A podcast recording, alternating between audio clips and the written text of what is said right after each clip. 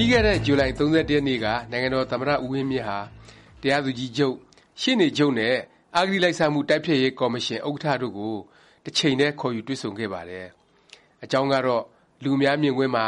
ဝိုင်းဝန်းထိုးကြိတ်၊ကန်ကျောက်ရိုက်နှက်တာခံရပြီးနောက်သေဆုံးသွားတဲ့ဟာသသရုပ်ဆောင် အောင်ရဲထွေးအမှုမှာ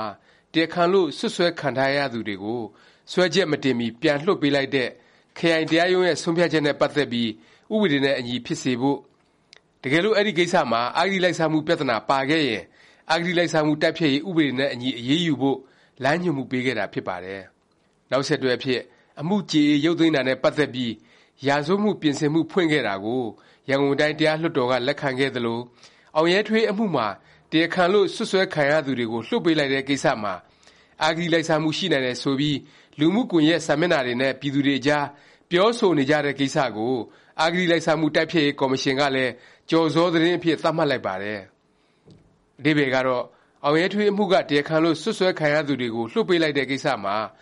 အဂတိလိုက်စားမှု ရှိမရှိ တရားဝင် စုံစမ်းစစ်ဆေးတော့မှာလည်း ဖြစ်ပါတယ်။ဟာသသရုပ်ဆောင် အောင်ရဲထွေး အမှုကို အကြောင်းပြုပြီး နာမည်ပျက်နေတဲ့ မြန်မာ့တရားစီရင်ရေးကို ပြန်တည့်မတ်အောင် လုပ်နိုင်မလား ဆိုတာ ခုတစ်ပတ် ဆွေးနွေးတင်ပြသွားပါ့မယ်။ အောင်ရဲထွေးအမှုဖြစ်စဉ်အကျဉ်းကိုပြန်ပြောရရင် ပြီးခဲ့တဲ့ ၂၀၁၈ နှစ်သစ်ကူးညက သင်္ဃန်းကျွန်းမြို့နယ် သုဝဏ္ဏက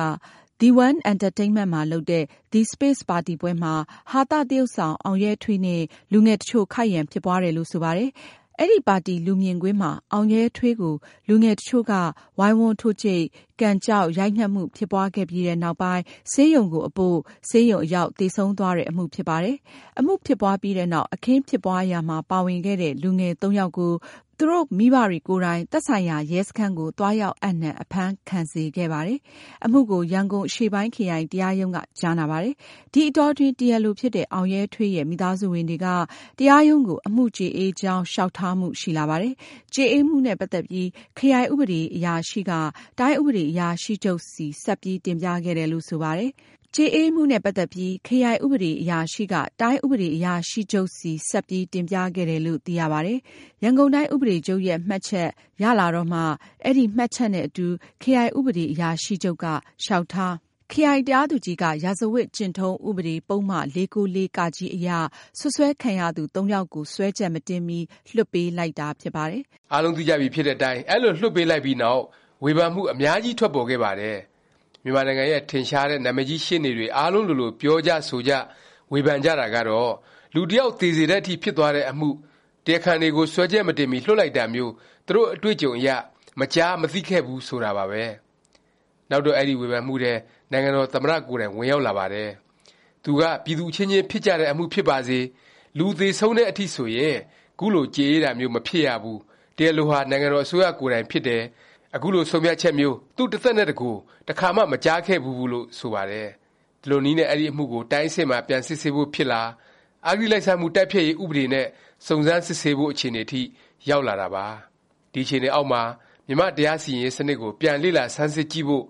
တရားစီရင်ရေး စနစ် ယိုင်နဲ့နေတယ်၊ဒါမှမဟုတ် ပြိုလဲနေပြီ အစရှိသဖြင့် ဘာကြောင့် ပြောဆိုနေကြတာလဲ၊အဲဒါနဲ့ ပတ်သက်လို့ ဘယ်သူတွေမှာ တာဝန်ရှိသလဲ၊ပြန်သုံးသပ်ဖို့ အခြေအနေ ပေးလာတာ ဖြစ်ပါတယ်။ ပြောရရင် မြန်မာ့တရားစီရင်ရေးစနစ် ပျက်စီးယိုယွင်းနေတာနဲ့ ပတ်သက်ပြီး လူအများစုကြီးဟာ တရားသူကြီးတွေလောက်ကိုပဲ အပြစ်မြင်နေကြတာ များပါတယ်။တရားသူကြီးတွေ အကျင့်စာရိတ္တ မကောင်းဘူး၊တရားသူကြီးတွေ လာဘ်စားတယ် ဆိုပြီး စွပ်စွဲမှုတွေ အတော်လေးများပါတယ်။ဒါပေမယ့် တကယ့်တကယ် လက်တွေ့ကျကျ စဉ်းစားရင် ဘယ်လောက်ပဲလွတ်လွတ်လပ်လပ်ရပ်တည်တဲ့တရားသူကြီးဖြစ်ပါစေ၊တရားရုံးရှေ့မှောက်ရောက်လာတဲ့အချက်အလက်၊သက်သေထွက်ဆိုချက်၊ဥပဒေပြဌာန်းချက်တွေကိုမှဘာမှကျော်လွန်ပြီးဆုံးဖြတ်လို့ရတဲ့အနေအထားမရှိပါဘူး။နောက်ပိုင်းအခုလိုခေတ်သစ်ထဲမှာဆိုတရားသူကြီးတစ်ယောက်မှန်မှန်မကန်အမိန့်ချလိုက်တယ်ဆိုရင်သူ့ရဲ့စီရင်ချက်ကိုကြည့်ရုံနဲ့တင်မှန်မှန်မကန်လုပ်ထားသလား၊မလုပ်ထားဘူးလားမှန်းဆကြည့်နိုင်ပါတယ်။ဒါပေမယ့်အများပြည်သူလွယ်လွယ်ကူကူမသိနိုင်တာက အမှုကို တရားရုံးစွဲတင်တဲ့ ရဲတပ်ဖွဲ့လို၊စသုံးလုံးလို၊မှုခင်းသတင်းတပ်ဖွဲ့လို၊အစိုးရအရာရှိတွေလို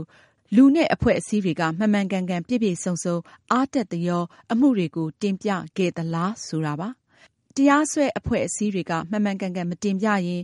ပြည့်ပြည့်စုံစုံ မတင်ပြပဲ ထိန်ချန်ထားရင်၊လာဘ်ပေးလာဘ်ယူလုပ်ပြီး တက်တက်ကြွကြွ မတင်ပြရင် အဲဒီ အမှု တည်ဆောက်ပုံ ပြည့်စုံမှု ရှိမှာ မဟုတ်ပဲ၊တရားသူကြီးကလည်း ဘယ်လိုမှ မှန်မှန်ကန်ကန် စီရင်နိုင်မှာ မဟုတ်ပါဘူး။ပြည်သူတွေ နောက်ထပ် မသိသေးတဲ့ ကိစ္စ တစ်ခုကတော့ မြို့နယ် ဥပဒေအရာရှိတွေ၊ခရိုင် ဥပဒေအရာရှိတွေနဲ့ ဥပဒေချုပ်တွေရဲ့ အခန်းကဏ္ဍပါ။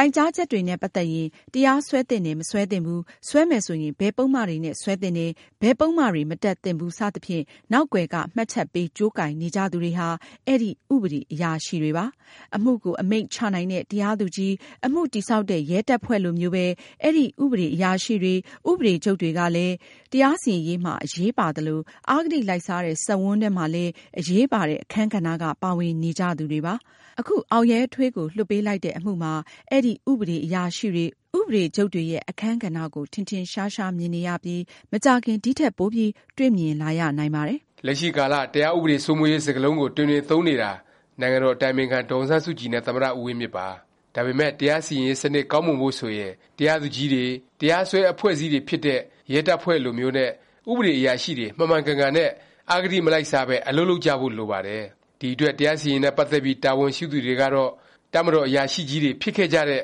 တရားသူကြီးချုပ် ဦးထွန်းထွန်းဦး၊ရှေ့နေချုပ် ဦးထွန်းထွန်းဦးနဲ့ ပြည်ထဲရေးဝန်ကြီး ဒုဗိုလ်ချုပ်ကြီးကျော်ဆွေတို့ပဲ ဖြစ်ပါကြောင်း သုံးသပ်တင်ပြလိုက်ရပါတယ်